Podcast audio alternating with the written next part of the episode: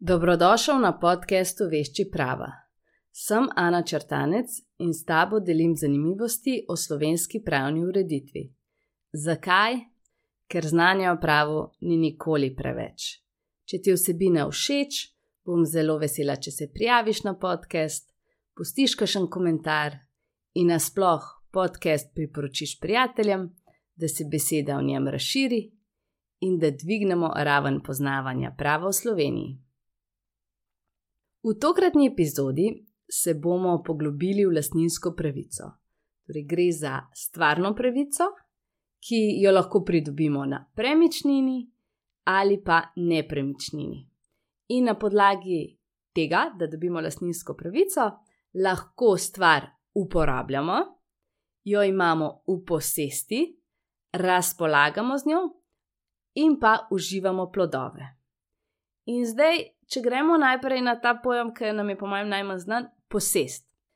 Posest je neka dejanska oblast nad stvarjo. Torej, imamo več tipov posesti, lahko je to po, neposredna posest, lahko je posredna posest. Torej, če imamo neposredno, seveda imamo mi v posesti, v dejanski oblasti neko stvar, lahko jo pa seveda izvršujemo tudi posredno, Naprimer, um, v primeru, um, če imamo najema, ima seveda najemnik neposredno posest, tisti, ki je pa lasnik, ki je dal najem, ima pa posredno posest. Potem ločimo uh, lasniškega posestnika in nelasniškega posestnika.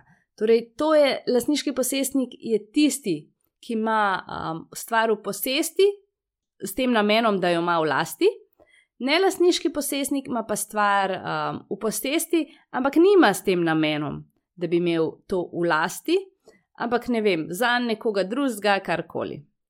Potem pa ločimo še dobrovernega in nedobrovernega posestnika.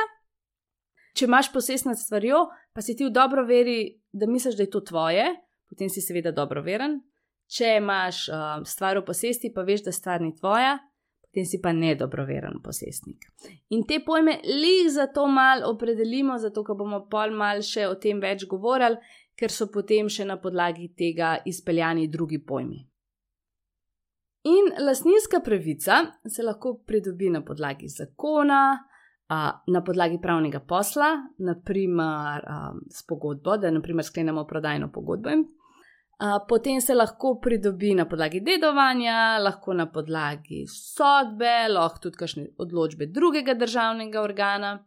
In zdaj tak primer, ki je na podlagi zakona, je priposestovanje. Zdaj tukaj pride v poštev tisto, kar smo prej govorili, dobroverni in nedobroverni posestnik.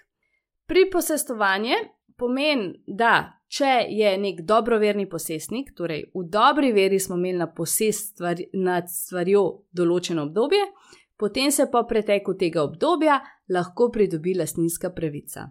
In za premičnine je to obdobje tri leta, pri nepremičninah je pa to obdobje desetih let. Kar pomeni, da če to obdobje, seveda, ti v dobri veri izvršuješ to posest, potem si dobroverni posestnik in seveda na podlagi tega lahko pridobiš lastninsko pravico na to stvarjo.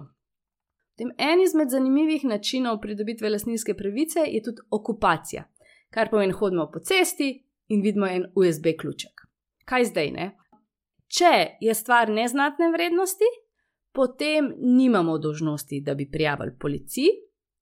Če gre bi šlo za neko dražjo stvar, več vredno, potem imamo pa dožnost to prijaviti policiji, In zakon pravi, da po preteku enega leta, če se seveda lastnik stvari ne pojavi, mi postanemo lastniki te stvari, ki smo jo najdel.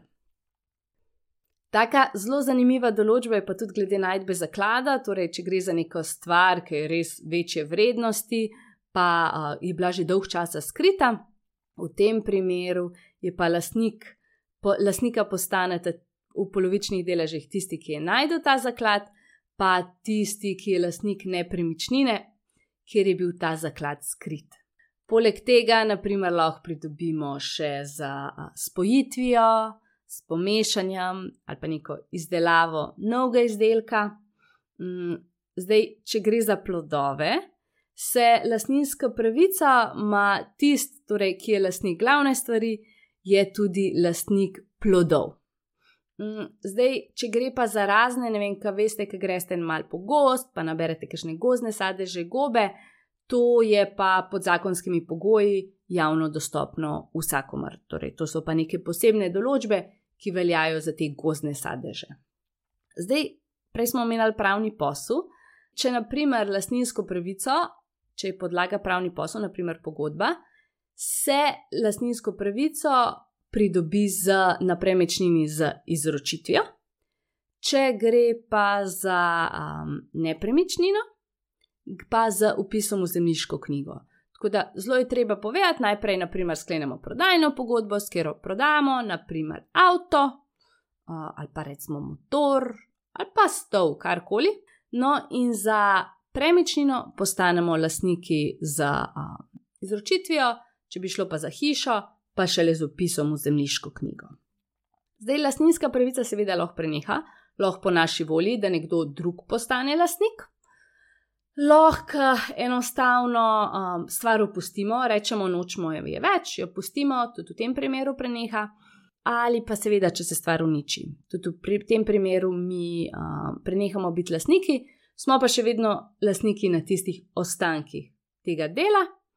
Mm, seveda se pa lastninska pravica lahko tudi omeji ali pa oduzame, če obstaja nek javni interes. Naprimer, če je javni interes, da je na nekem področju cesta, potem se lahko se sproži postopek razlastitve in seveda se proti ustreznemu um, nadomestilu, brez nadomestila ne gre, um, se potem razlasti in mi nismo več lastniki ali smo sploh nismo več, ali smo omejeno lastniki, in seveda v tem primeru potem um, pač dobimo neko nadomestilo v zameno za to. Zdaj, na eni stvari ima lahko lastninsko pravico ena oseba, lahko pa tudi več oseb. V tem primeru govorimo o solastnini ali pa o skupni lastnini. Zdaj, če govorimo o solastnini, pomeni, da ima na eni nerazdeljeni stvari, govorimo, da, ma, da govorimo več o lastnikih, ki imajo po idealnih deležih solastnino na tej stvari. Ok, kaj zdaj to pomeni? To ne pomeni, da je stvar uh, v solastnini razdeljena.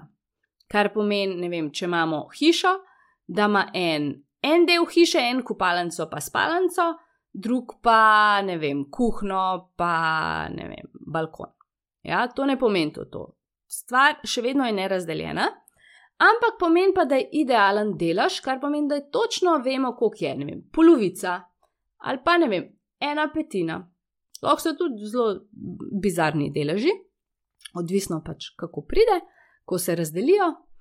No, in če imamo mi opravko s solastnino, seveda solastniki so prosti, da potem prodajo svoj delež. Seveda pri solastnini imajo te obstoječi solastniki, imajo pri prodaji imajo predkupno pravico, kar pomeni, da oni lahko najprej kupijo, preden se proda um, kom, komu drugemu. Zdaj, za to stvar v solastnini, seveda, morajo vsi enako skrbeti. Uh, zdaj, če gre za neke posle rednega upravljanja, je dovolj že soglasje, da se polovica strinja, uh, glede na deleže, Zdaj, če gre pa za um, neke izredne posle, um, nekaj, kar so kakšni večji posli, seveda pa je potrebno soglasje vseh. Na drugi strani um, imamo pa skupno lastnino. Skupna lastnina je predvsem značilna za zakonce, ker nastane tist, na tistem premoženju, ki smo ga pridobili v času trajanja zakonske zveze.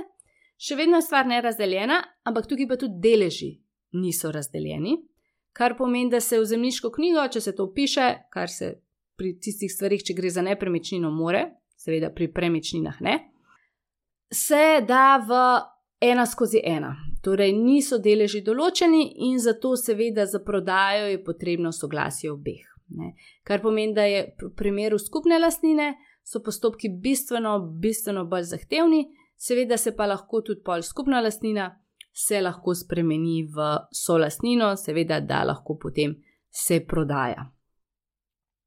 Potem imamo pa še e, opravka z etažno lastnino, to je pa lastnina na posameznem delu eh, stavbe in so lastnina na skupnih delih. Torej, na posameznem delu, naprimer na nekem stanovanju. Torej, tažna lastnina je značilna za bloke. Mm, naprimer, ti imaš lastninsko pravico na um, stanovanju, in potem so lastnino, ne skupno lastnino, ampak so lastnino na vseh skupnih delih, naprimer stopnišče, uh, potem ne vem, um, imaš kakšno dvigalo ali pa karkoli, ne vem, kolesarnico.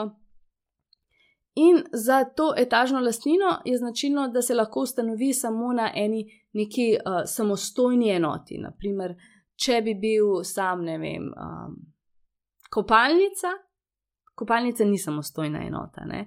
torej ne bi mogla, ne bi mogla nastati um, etažna lastnina, torej mora biti obvezna za samostojno celoto.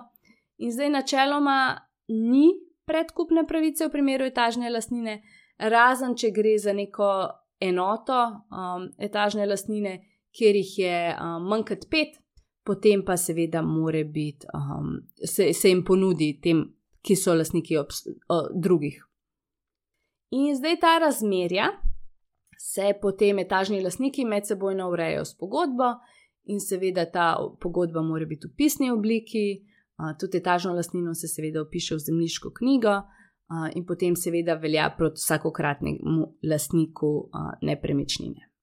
O sami zemljiški knjigi pa več naslednjič. Lepo bodi.